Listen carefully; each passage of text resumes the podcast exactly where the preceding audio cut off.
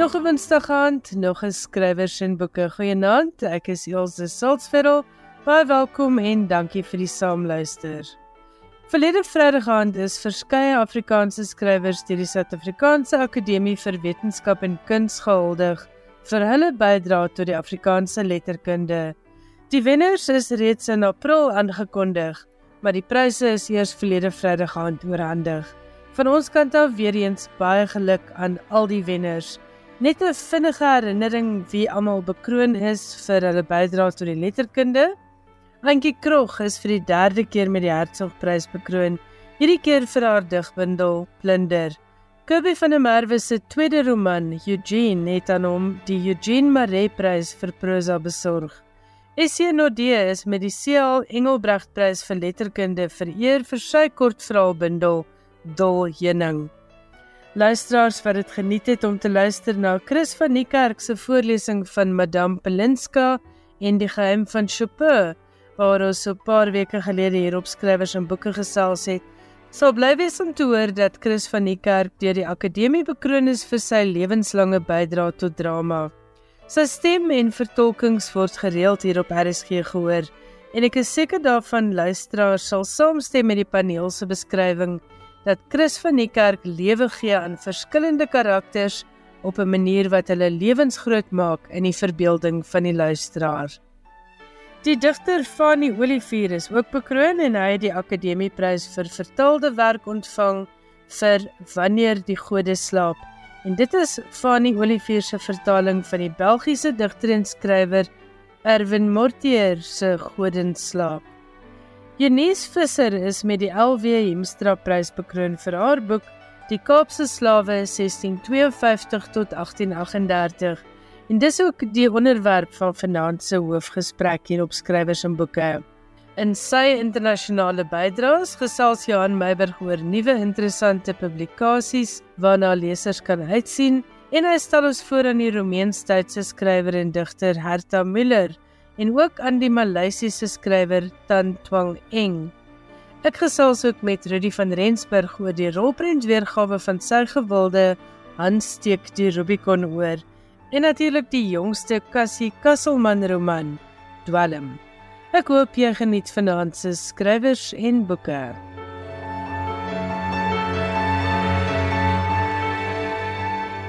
Johan Meiberg is eerste aan die beurt. Die Romeins-Duitse skrywer en digter Herta Müller het op 17 Augustus 70 geword. Müller is bekend vir haar skryfwerk waarin sy die gevolge van die geweld en wreedheid van die bewind van Nicolae Ceausescu, die laaste leier van die Sosialistiese Republiek van Roemenië, verwoord. Die verskrikking van die bewind het Müller self beleef. Sy het uiteindelik in 1987 daarin geslaag om haar in Wes-Berlyn te gaan vestig, 2 jaar voor die einde van Ceausescu se regime en die kommunistiese oorheersing in Roemenië. Heelwat van haar werk is geskryf vanuit die oogpunt van die Duitse minderheid in Roemenië. En in die roman wat vertaal is as The Hunger Angel van 2009 beskryf sy die deportasie van die minderheidsgroep na Russiese gulags of strafkampe tydens die Sowjet-okupasie. Miller is onderwerp aan verdagmakery en tuistering deur Roemenië se veiligheidspolisie. Sy is as 'n verraaier uitgekry oor haar uitbeelding van die oormoed en skynheiligheid van die gemeenskap waarin sy grootgeword het. Haar vroeë werk is verbied en die hel het losgebars met die verskyning van haar bundel kortverhale Niederungen waarvan 'n gesensorde weergawe in 1982 in Boekarest verskyn het en 'n ongesensorde weergawe in 1984 in Duitsland. Die boek is in 1999 in Engels vertaal as Nadirs. 'n Vertaling deur Thomas Cooper van Müller se digbundel van 2012 het in 2018 verskyn onder die titel Fathers on the Phone with the Flies. Die Nobelprys vir letterkunde is in 2009 aan Müller toegekend. Die Switse Akademie het in sy sitasie Müller besing vir haar vermoë om met die konsentrasie van haar poësie en die helderheid van haar prosa uitdrukking te gee aan die landskap van ontheemdes. Dankie Johan. Jy luister na skrywers en boeke, jou belangrikste bron oor Afrikaanse boeke. Die skrywer Eunice Visser het onlangs die LW Hemstra Prys ontvang vir nuwe fiksie en dit is vir haar baie omvattende, regtig pragtige boek Die Kaapse Slawe 1652 tot 1838. En dit is 'n toekenning deur die Akademie vir Wetenskap en Kuns, een van die hoogste toekennings vir hierdie soort boek in die land en die boek is ook benoem vir 'n uh, kyknet rapportprys en ook vir 'n ATKV woordfeertjie in die afdeling nie fiksie. Janies baie welkom by skrywers en boeke. Dankie Ilse. Dis 'n omvattende boek hierdie 710 bladsye. Die volledige titel sê ook hierdie is 'n kultuurhistoriese perspektief wat omtrent alles wat daar is om te sê oor die Kaapse slawe sê. Maar nou wil ek by jou weet, Wie is Eunice? Waar kom hierdie belangstelling in hierdie onderwerp vandaan? Wel, Ilse, dit het alreeds op universiteit ontstaan en veral in my honeursjaar wat ons die projek vir die jaar is dat ons letterlik al die dagboeke en reisbeskrywings van reisigers en besoekers aan die Kaap moes werk. En elkeen van ons het 'n onderwerp gekry wat ons spesifiek moes op fokus en dan 'n seminaar ingee oor dit. En nou ja, baie van hulle het gevat oor die kos en oor die jy weet die klere dra en goed en ek dink ek dink ek moet net so 'n bietjie kyk na iets anders en ek het begin na die boeke kyk en ek het besef wie wat ons vat die slawe.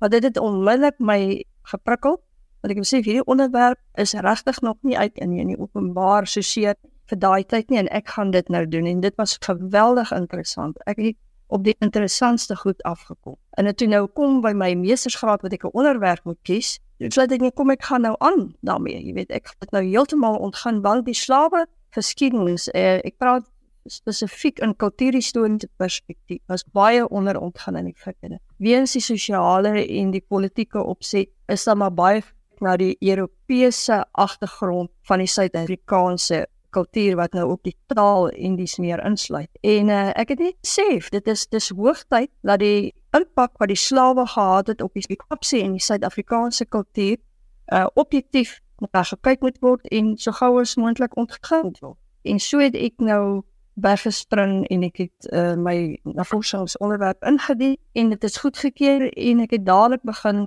om al my stof bymekaar te kry met gewillige lang navorsingstye wat ek in die biblioteek, die Suid-Afrikaanse biblioteek, in argief in Kaapstad, in die Afrikaana biblioteek in um, Pretoria Universiteit deurgebring het. En toe moes ek dit nou uiteindelik bymekaar kry en ek moes begin skryf. Nou ja, toe moes ek nou die eensame terrein van skryf betree en die struktuur bymekaar sit en hierdie werk is uiteindelik gebore. Jy laat dit nou maklik klink, maar jy praat hier van jare se navorsing. Hoe lank het jy gewerk? Jy het nou genoem jy het al tydens jou universiteitsjare hierin begin belangstel. Maar hoe lank het jy gewerk in totaal? Ek het eers my BA graad gekry met hoofvakke drama kunde en kultuurgeskiedenis. En ek was ook in my 3 jaar betrokke by die departement kultuurgeskiedenis as 'n akademiese assistent. So ek dit was vir my amper net 'n um, natuurlike voorsetting om verder te studeer en professor Nel daai tyd was basies ook my mentor en ek het geweldige respek vir hom gehad en hy het die kultuurgeskiedenis vir my oopgemaak en ek het besef hoe ongelooflike wonderlike veld dit is wat al die verskillende fasette van kultuur insluit.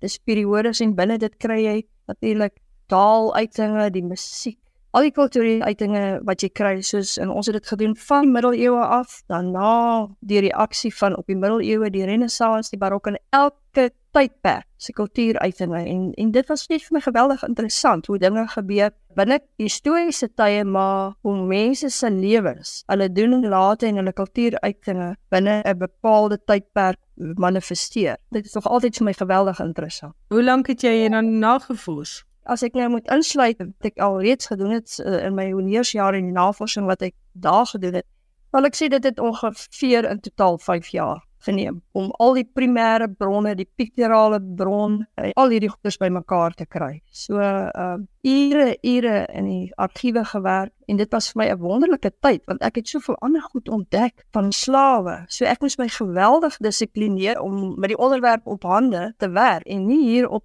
draai paadjies te gaan nie. So dit was al die dissipline met al hierdie massa stof wat tot my beskikking was om gefokus te bly en te werk wat my onderwerp is.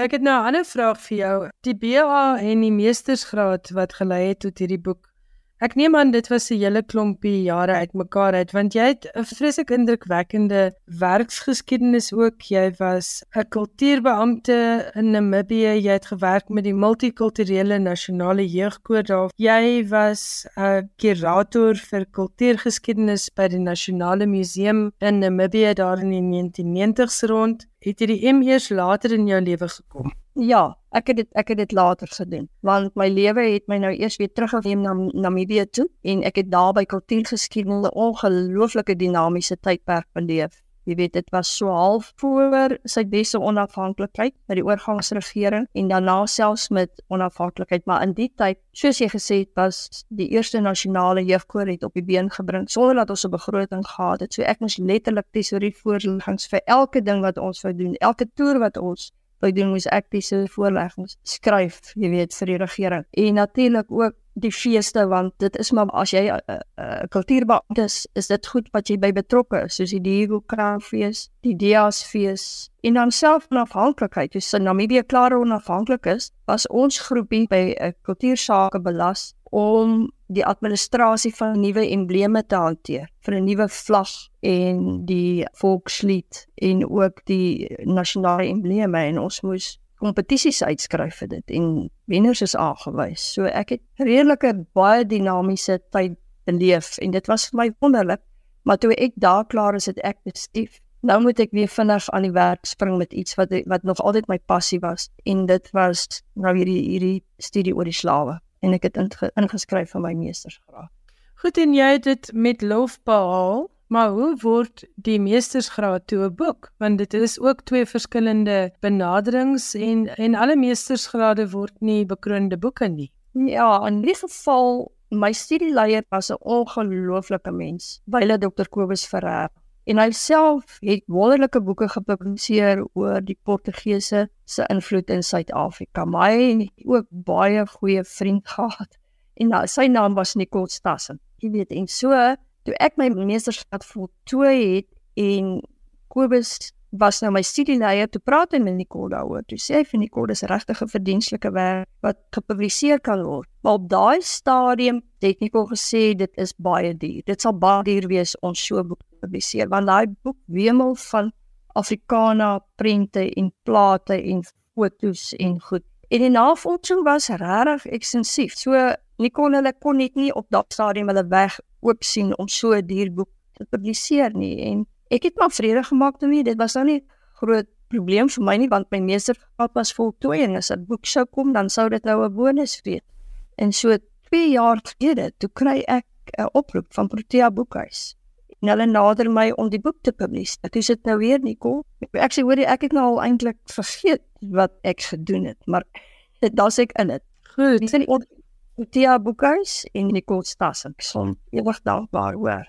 Hierdie kom 'n ongelooflike wonderlike navorser en en ek wil ook dan hiermee moet ek net sê dat my studieleier op daai stadium professor Kobus Ferreira is net die meer ongelooflike mentor en akademiese baken en ook 'n mens. Hy was 'n goeie goeie vriend. Janies, wanneer het jy die M voltooi? Hoe lank gelede? Uh 2002 so 21 jaar later staan jy nou met hierdie lieflike boek in jou hande. Hoe het jy die verwerking ervaar? Want hulle sê mos skryf is herskryf. Het jy dieselfde gevoel gekry om iets van 'n teses te verander na 'n boek? Ja nee, kyk absoluut, dit was intense werk. Maar daar kan ek baie dankie sê vir die span by Protea. Jy weet daai geduldige redakteur wat ek gehad het, Molly van Rooyen wat stoeis al my grinterigheid verduur het want ek nogal baie presies, jy weet, en en op spelling en bepaalde goedjies en hoe goed dit wees. En die boek wemel ook nou van Nederlandse aanhalings, oud Nederlandse aanhalings, woordes van hulle. So dit moet korrek wees en die bronne weet moet moet die volumes en die goed draf wees en hulle is baie van hulle is ook in Hollands en Oud-Hollands. So dit was nogal 'n uitdaging, hoor, want ek moes nou letterlik deur elkeen van daai goed werk en kyk of dit korrek gespel is en of dit reg is. En die lesers daar, Danel Hannekom, goeie genade, die arme kind het 'n ongelooflike las op haar skouers gehad. En dan stuur nog gewoon goed en dan moet ek nog deur dit gaan en dan het ek 'n hele lys van goedjies wat ek nou weet, dan moet hulle weer teruggaan. So dit was dit was regte harde werk vir my en vir hulle. Net om terug te kom na die boek. Ons praat nie net hier van die doodgewone geskiedenis van toe het soveel mense uit Europa na Suid-Afrika gekom ensovoorts. Ons praat eintlik in finansie gesprek oor die die kultuurinvloed van hierdie mense. Um om aan te haal hoe die mens be, binne 'n bepaalde tydperk gelewe en wat was die impak daarvan op die kultuur soos professor Louise Viljoen dit in 'n bespreking van hierdie boek uh stel en dan sê sy onderdele soos geskiedenis, godsdiens, onderwys, sosiale patrone, regspleging en wetstoepassing, ekonomie, arbeid ensovoorts is bestuur. Hierdie aanhaling kom uit jou boek uit. Maar nie ter wille van hulle self as sodanig nie, maar eerder om die onderlinge verband en die breër kultuur historiese beeld van die Kaapse slawe daar te stel. Jy het ook toe ons vooraf gepraat het gesê hierdie gaan meer oor kultuur as oor geskiedenis. So verduidelik net vir ons luisteraars presies wat jy daarmee bedoel. 'n Belangrike woord wat ek nou maar eers hierso ingooi is die woord akkulturasie. Nou klink nou miskien erg van groot en wat ook al.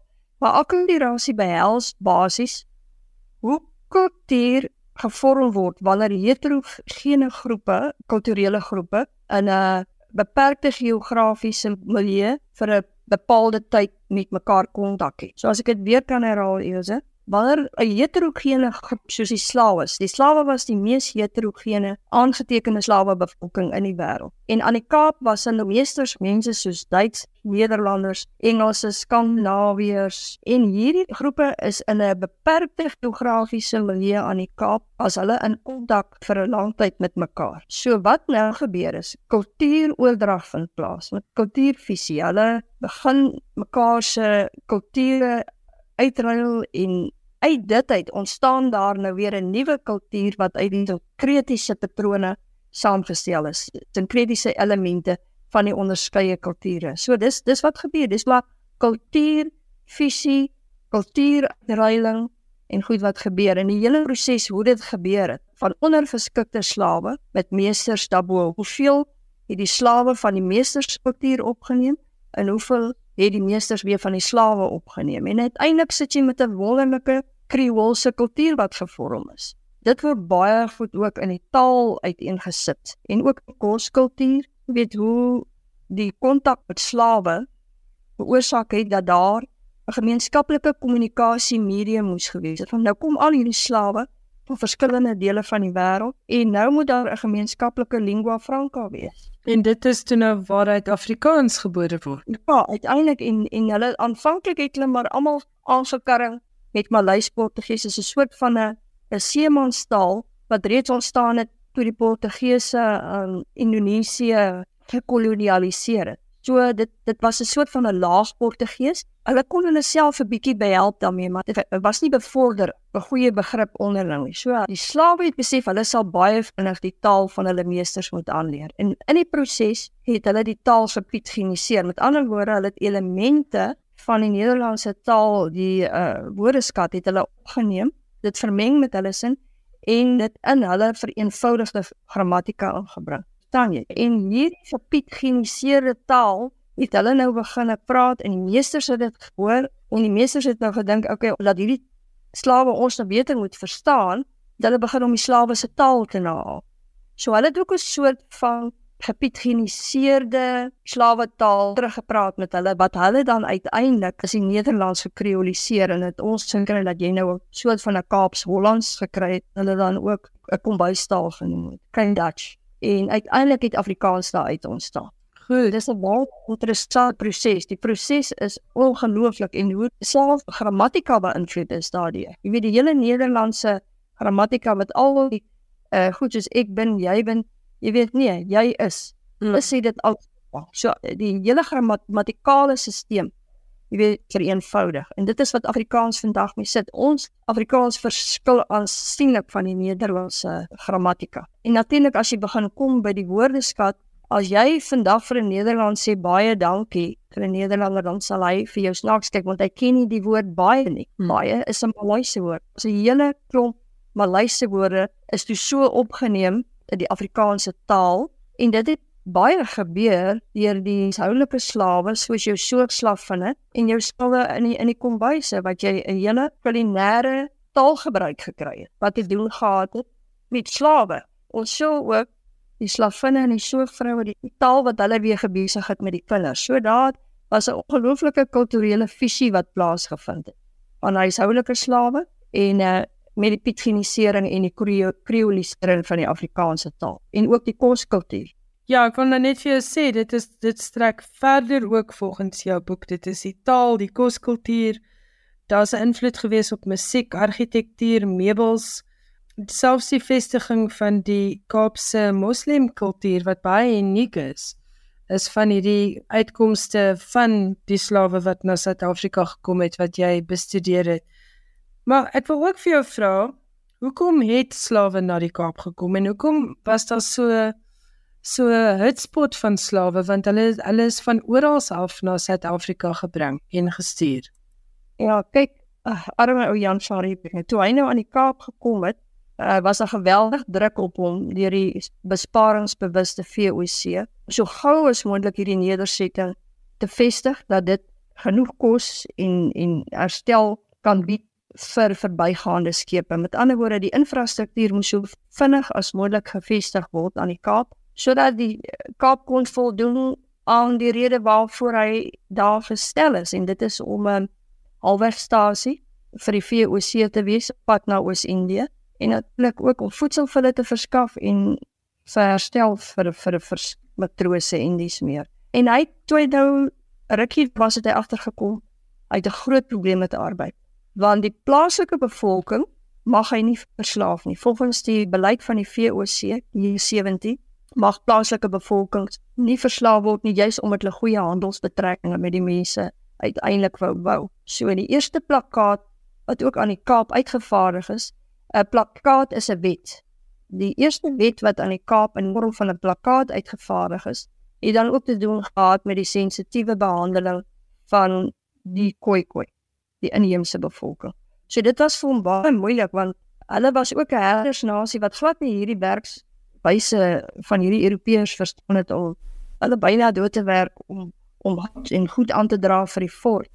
So Faribek het nie baie positief in sy dagboek na hulle verwys. Mense kan verstaan. Dis dis mense, dis vir hulle totaal vreed wat nou hier aan die gang is.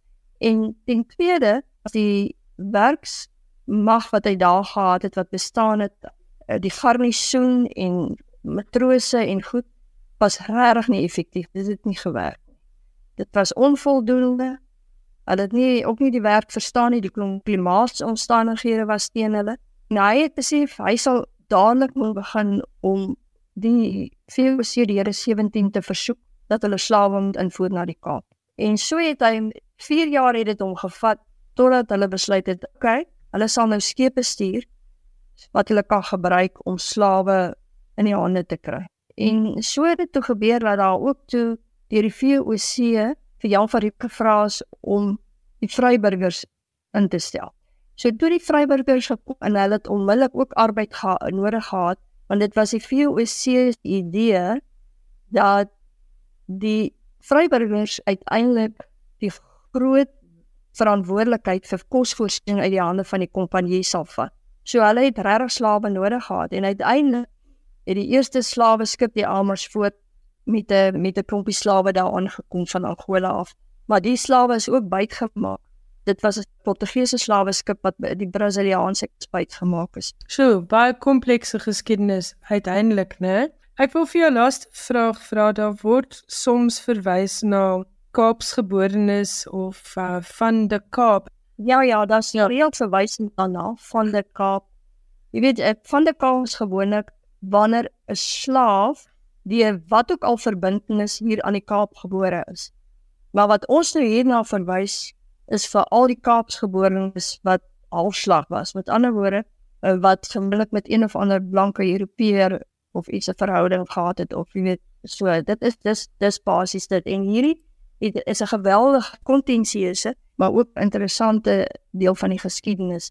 Want soos jy weet, die slaweloosie waar die kompanie slawe gehuisves is, vrouens en mans se goederes was grootste en ek gaan die woord gebruik hoereis aan die Kaap gewees. Wollelik verskepe vol matrose wat geld in hulle sakke gehad het en wat nou so 'n bietjie hulle tyd wou geniet aan die Kaap.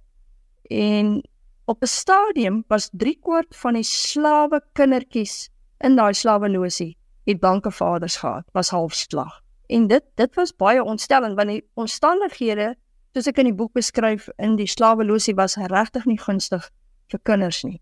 En hulle het maar begin gevoel dat hulle om regtig hard te werk om dit te probeer aanspreek. Maar dit sou maar net 'n probleem bly.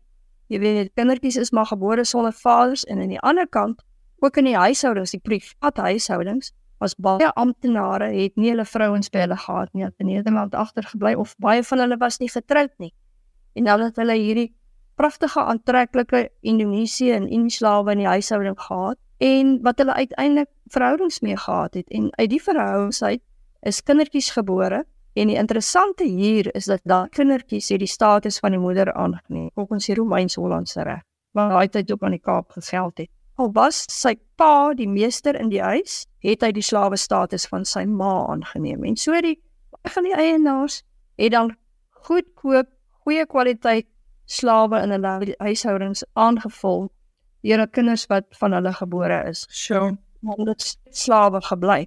Die ander klomp is natuurlik ook die Kaap was ongelooflik handelsgeoriënteerd en daar was soveel lusieshuise daar gewees vir mense wat nou van skepe af gekom het wat lusies gesoek het. En dan die die Kaapse vroue was ongelooflike besigheidsvroue en hulle het dan hierdie lusieshuise bedryf en hierdie pragtige slavinne gehad wat daar gewerk het En dan het hulle hierdie slavinne aangebied vir hierdie besoekers. En dan het die besoekers vertrek en daar is weer eens 'n halfslag slaaf gebore sonder pa. Maar dan ook die huishouding opgeneem is en die die slaaf, soos hulle sê, was van beter kwaliteit as jou ingevoerde slawe wat wrokkig was, wat ontwrig was, wat moes aanpas by die nuwe klimaat, wat kultureel ontwrig was. En dit was vir die Kaapse inwoners, die Europeërs, voordelig om hierdie verhoudings met slavinne te hê waar uit daar kinders gebore is wat hulle finansiëel tot voordeel kon wees uiteindelik. Is verskriklike uitbuiting, maar dit het nou ook bygedra tot die die hotspot wat ons vandag in Suid-Afrika is. Dis waar ons wortels, ons almal se wortels waarskynlik dan vandaan kom. Ja, jy weet in soos wat die slawe gekreoliseer geraak, maar ander woorde soos wat die halfslagslawe uh die Kaapsgeborenes nou jy weet meer relevant begin word het, het hulle ook 'n groot belangrike rol gespeel in die kreolisering van kultuur binne in die huishoudings. Soos ek genoem het, weet die taal en die die die koskultuur en ens meer. So dis hoekom halfslagslawe, Kaapsgebore slawe was ongelooflik waardevol en hulle was die voorkeurslawe. Baie van hulle is ook baie goed behandel. Jy weet baie van hulle was die lyfbediendes, weet die kamermeisies, hulle het ook na die uh meesteres geslaap. Hulle het goeie kos gekry vir al die soogvroue. So hulle is baie baie goed behandel en hulle het 'n baie groot rol gespeel. Maar hulle het nou maar die slawe status gehad. Hulle was nie vry nie. Hulle kon nie sommer net, jy weet, hulle eie ding doen nie. Hulle kon nie sommer huweliksverhoudings aangaan met ander slawe nie behalwe as dit nie vir die eienaar tot nadeel sou wees nie, maar hulle het verkies dat dit nie so gebeur Wanneer is uh, slawe vrygestel in Suid-Afrika? Aan die aan die Kaap. Aan die Kaap. Hulle is vrygestel amptelik 1834. Uh, toe dit, jy weet, na die oseaniese slawehandel afgeskaf is, is hulle in 1834 vrygestel wettiglik, maar hulle moes toe nog eers 4 jaar ambagte leer by hulle meester sodat hulle wanneer hulle toe in 1838 finaal vrygestel is. Janies baie dankie, baie dankie vir die lekker gesels en baie geluk met hierdie boek. Al wat ek vir luisteraars kan sê is hierdie boek dink ek is een van daardie boeke wat 'n mens moet lees as jy jou land se geskiedenis, jou land se kultuur, jou taal, jou eie kultuur beter wil verstaan. Want ons het nou maar vanaand gepraat oor 'n klein klein stukkie van Janies Visser se boek Die Kaapse Slawe 1652 tot 1838, 'n kultuurhistoriese perspektief. Maar ek kan jou verseker daar wag baie baie meer in die 710 bladsye van hierdie boek. Dit word uitgegee deur Protea. Jy luister na RSG. Ek is Elsje Silsveld en hierdie is die tweede gedeelte van skrywers en boeke. Johan Meiburg vertel nou vir ons meer oor 'n hele klompie nuwe boeke wat van dese maand oor see verskyn.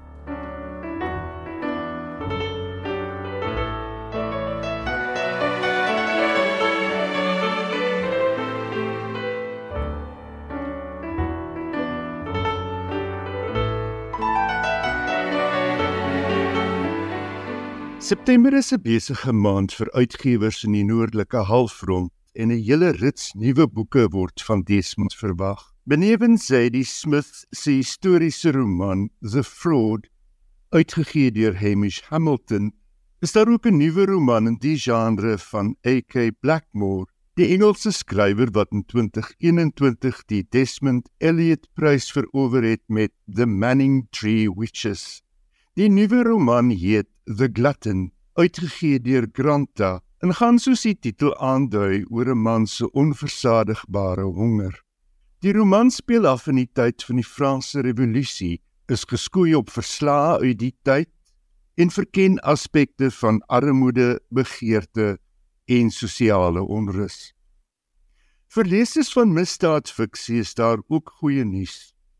The Last Devil to Die, uitgegee deur Penguin, is die jongste en vierde roman in Richard Osman se Thursday Murder Club reeks. Dis die wêreld van kunsvervalsing en dwelmhandel wat in die roman aan die orde kom.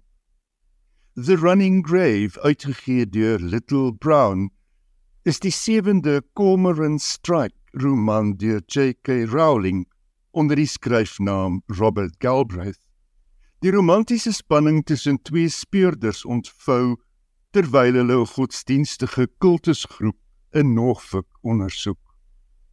In The Secret Hours, uitgegee deur John Murray, vat Mick Herron 'n blaaskans van sy Slough House reeks en in die losstaande roman stel hy ondersoek in na die geheime diens in die dae na die val van die Berlynse muur. En dan is daar ook Stephen King se Holly, uitgegee deur Hodder and Stanton met sy speurder Holly Gibney op die spoor van misdadigers nadat verskeie mense in 'n dorp in die Amerikaanse Midweste verdwyn het. In Julia, uitgegee deur Granta, neem die Amerikaanse skrywer Sandra Newman 1984 van George Orwell as vertrekpunt en deur die oë van Julia Worthing, 'n werktuigkundige wat werksaam is by die Ministry of Truth. Die boek neem die leser op 'n verrassende reis deur die distopiese wêreld van Orwell se roman. En volgens die uitgewer bied die roman perspektiewe wat net so uitdagend is as toe 1984 bykans 75 jaar gelede verskyn het. Terry Pratchett lesers kan ook uitsien na A Stroke of the Pen, 'n bundel kortverhale deur Pratchett wat hy in die 1970s en 80s onder 'n skuilnaam in koerante gepubliseer het. Die bundel word uitgegee deur Doubleday. Met Open City en Every Days for the Thief het die Nigeries-Amerikaanse skrywer Teju Cole homself gevestig as romanskrywer. Hy het ook naam gemaak as fotograaf en kunshistorikus. Nou is Tremor uitgegee deur Faber op pad 'n roman waarin 'n akademikus van Wes-Afrika wat in die FSA werk, rekenskap gee van die betekenis van kuns en storie vertel in die konteks van 'n wrede verlede en 'n gewelddadige hede. In die aanloop tot Kersfees, die boekbedryf het die wortel immer in die oog, verskyn die lankverwagte My Name is Barbara, uitgegee deur Century.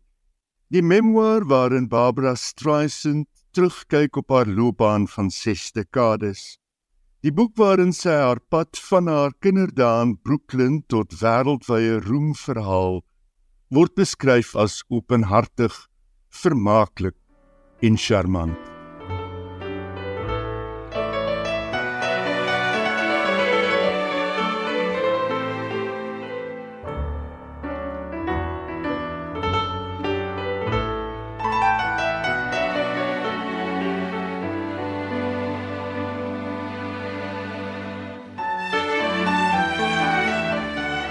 Dankie Johan. Jy luister na skrywers en boeke op RSG.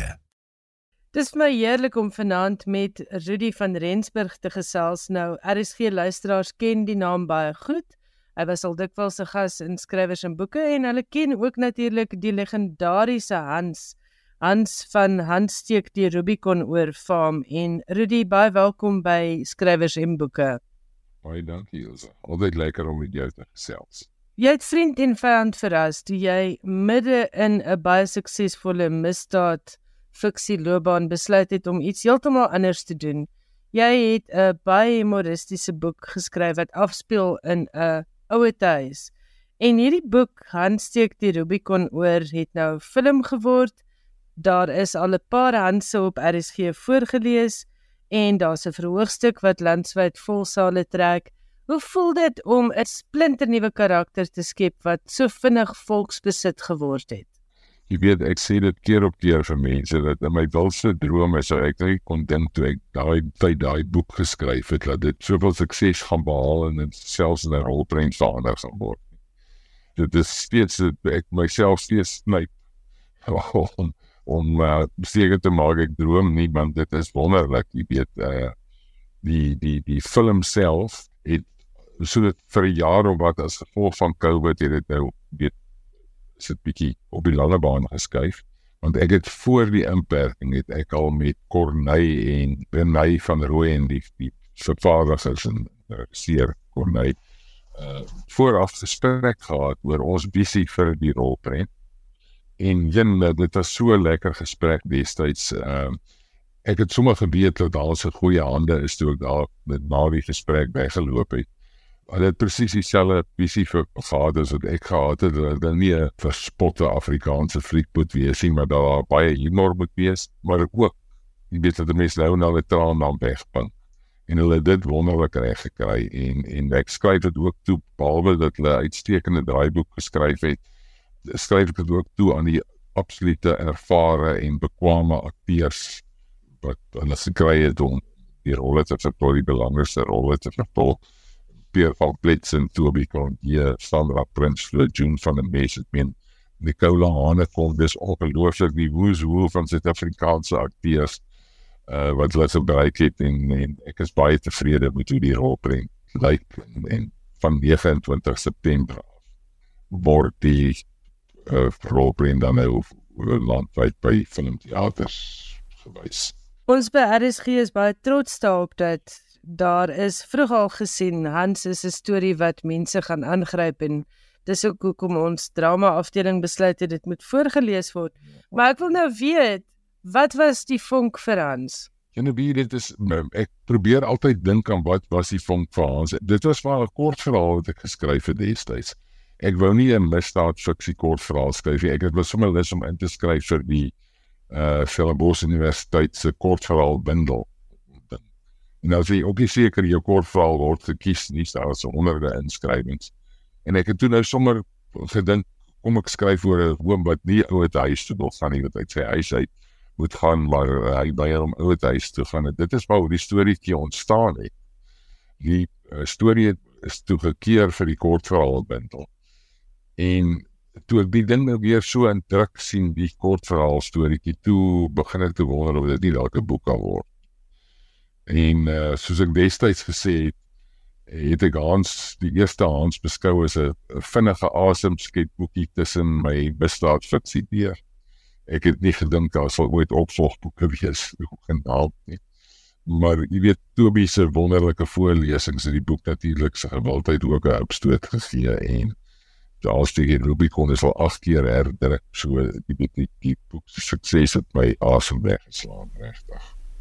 Ja, en dan was daar daarna Hans breek die bioborrel, Hans hou sy lyf Sherlock. Dit is mos Sherlock, né? Ja, Ons het so net Sherlock Holmes was die bioborrel was die derde boek en ons ja, klas Horens was die tweede boek.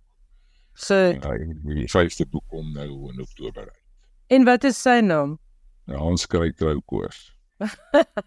ja, wat waarskynlik onafwendbaar is, né? Mens moet sekerlik iewers romanse ook inbring. Al is hy in sy middel 90. So ons luisteraars kan uitsien dan na 'n nuwe Hansboek. Maar terwyl ek jou op die lyn het, wil ek sommer gou-gou met jou gesels oor Dwelm. Nie dat dit 'n boek is wat 'n mens in 2 minute kan opsom nie. Ek het verskriklik lekker daarin gelees. Dit is die nuwe Cassie roman uit jou pen wat so in die middel van die winter verskyn het. Vertel vir ons 'n bietjie net van Dwelm. Ja, ek dink hoewel die titel van die boek dwelm is, uh, gaan die boek in 'n in 'n breër konteks oor verslawing. Jy weet dit dit gaan nie net oor dwelms nie. Maar soos Cassie Kasseman dit stel, die dodelikste verslawing is draak. Want hy redeneer dat dwelmverslawing behandel kan word in 'n rehabilitasiesentrum, maar dat draakverslawing nie 'n kuur het nie. En, en dis 'n dwelm wat jy nooit los nie. Dit verslind jou denke, wis jou oordeel uit. So dit is maar al die tema. Maar dit gaan ook oor dwelms dwelmmiddels, maar die die die die oor oorwegende tema is dan 'n maar braak wat ook verslawend is. Ja, en die boek open met um 'n moord en daar is twee storielyne, daar is Cassie se verloofde, se seun is baie sterk betrokke by een van die storielyne. Ja. Waar kom al die idees vir Cassie vandaan en was daar 'n spesifieke vonk vir hierdie boek?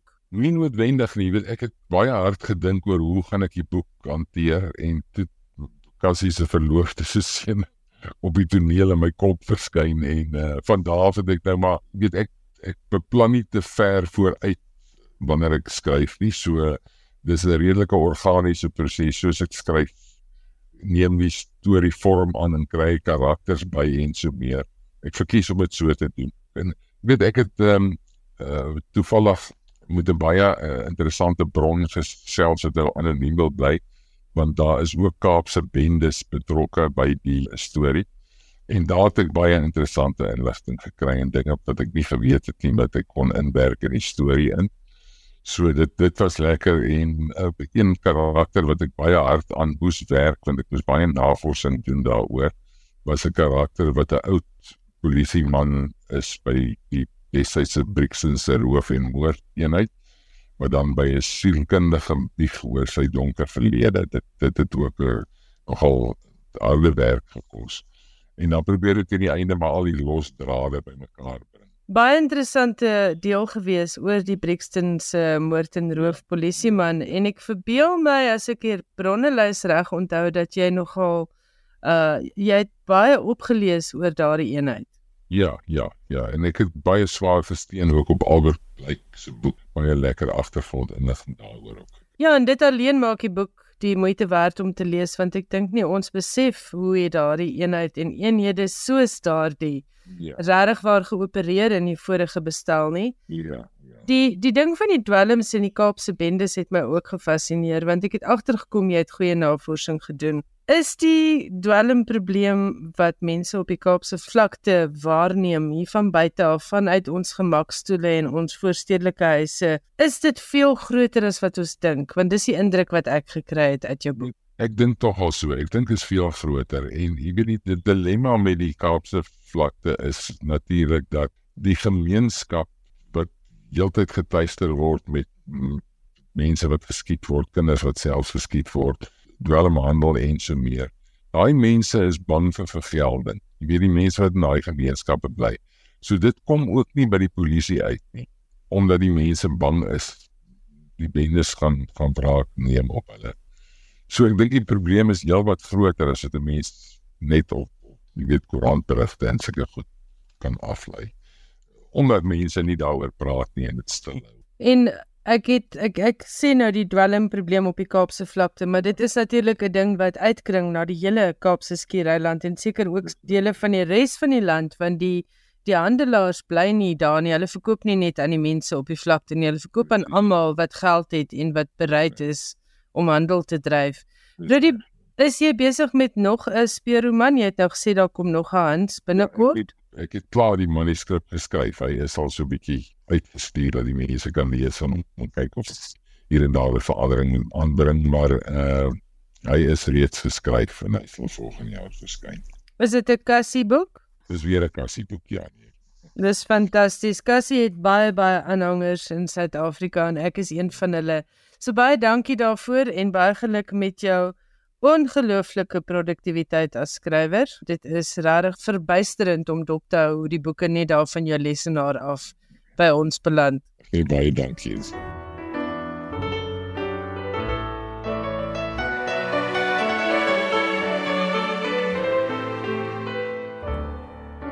Nou is dit tyd vir ons laaste bydrae en Johan Meiberg stel ons voor aan die Maleisiese skrywer Tan Twang Eng.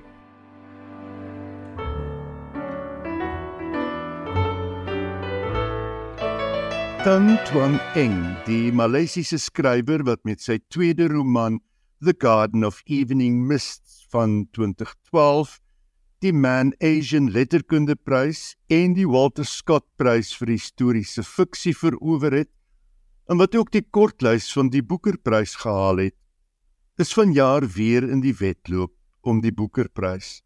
Sy jongste roman, The House of Doors, uitgegee deur Canongate, is op die langlys vir die gesogte prys.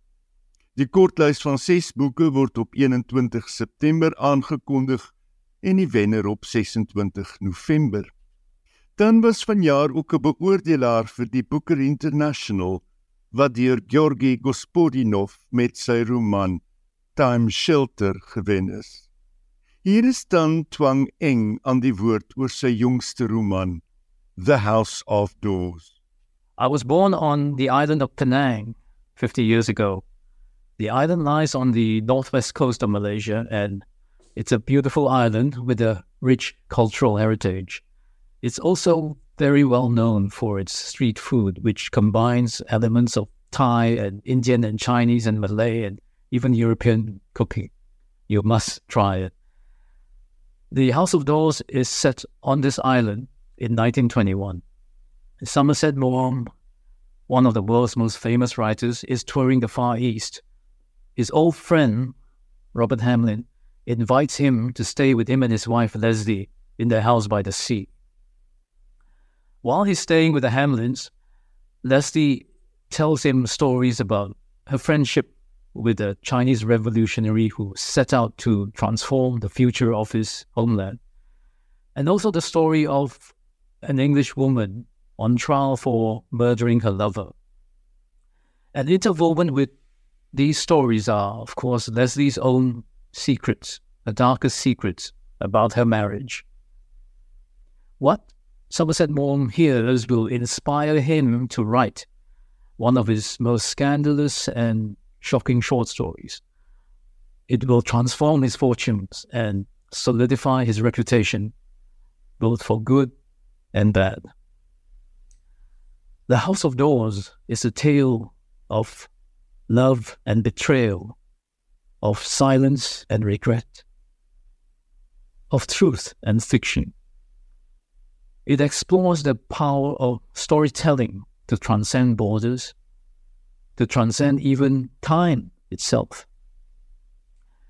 And among the questions it asks are these two How does a woman prevent herself from being forgotten by history?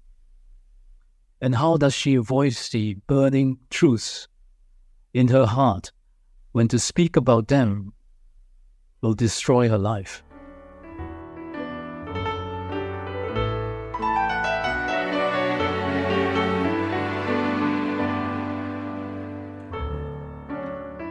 Dit was die stem van Tan Twang Eng wat terloops ook 'n gereelde besoeker aan Suid-Afrika is.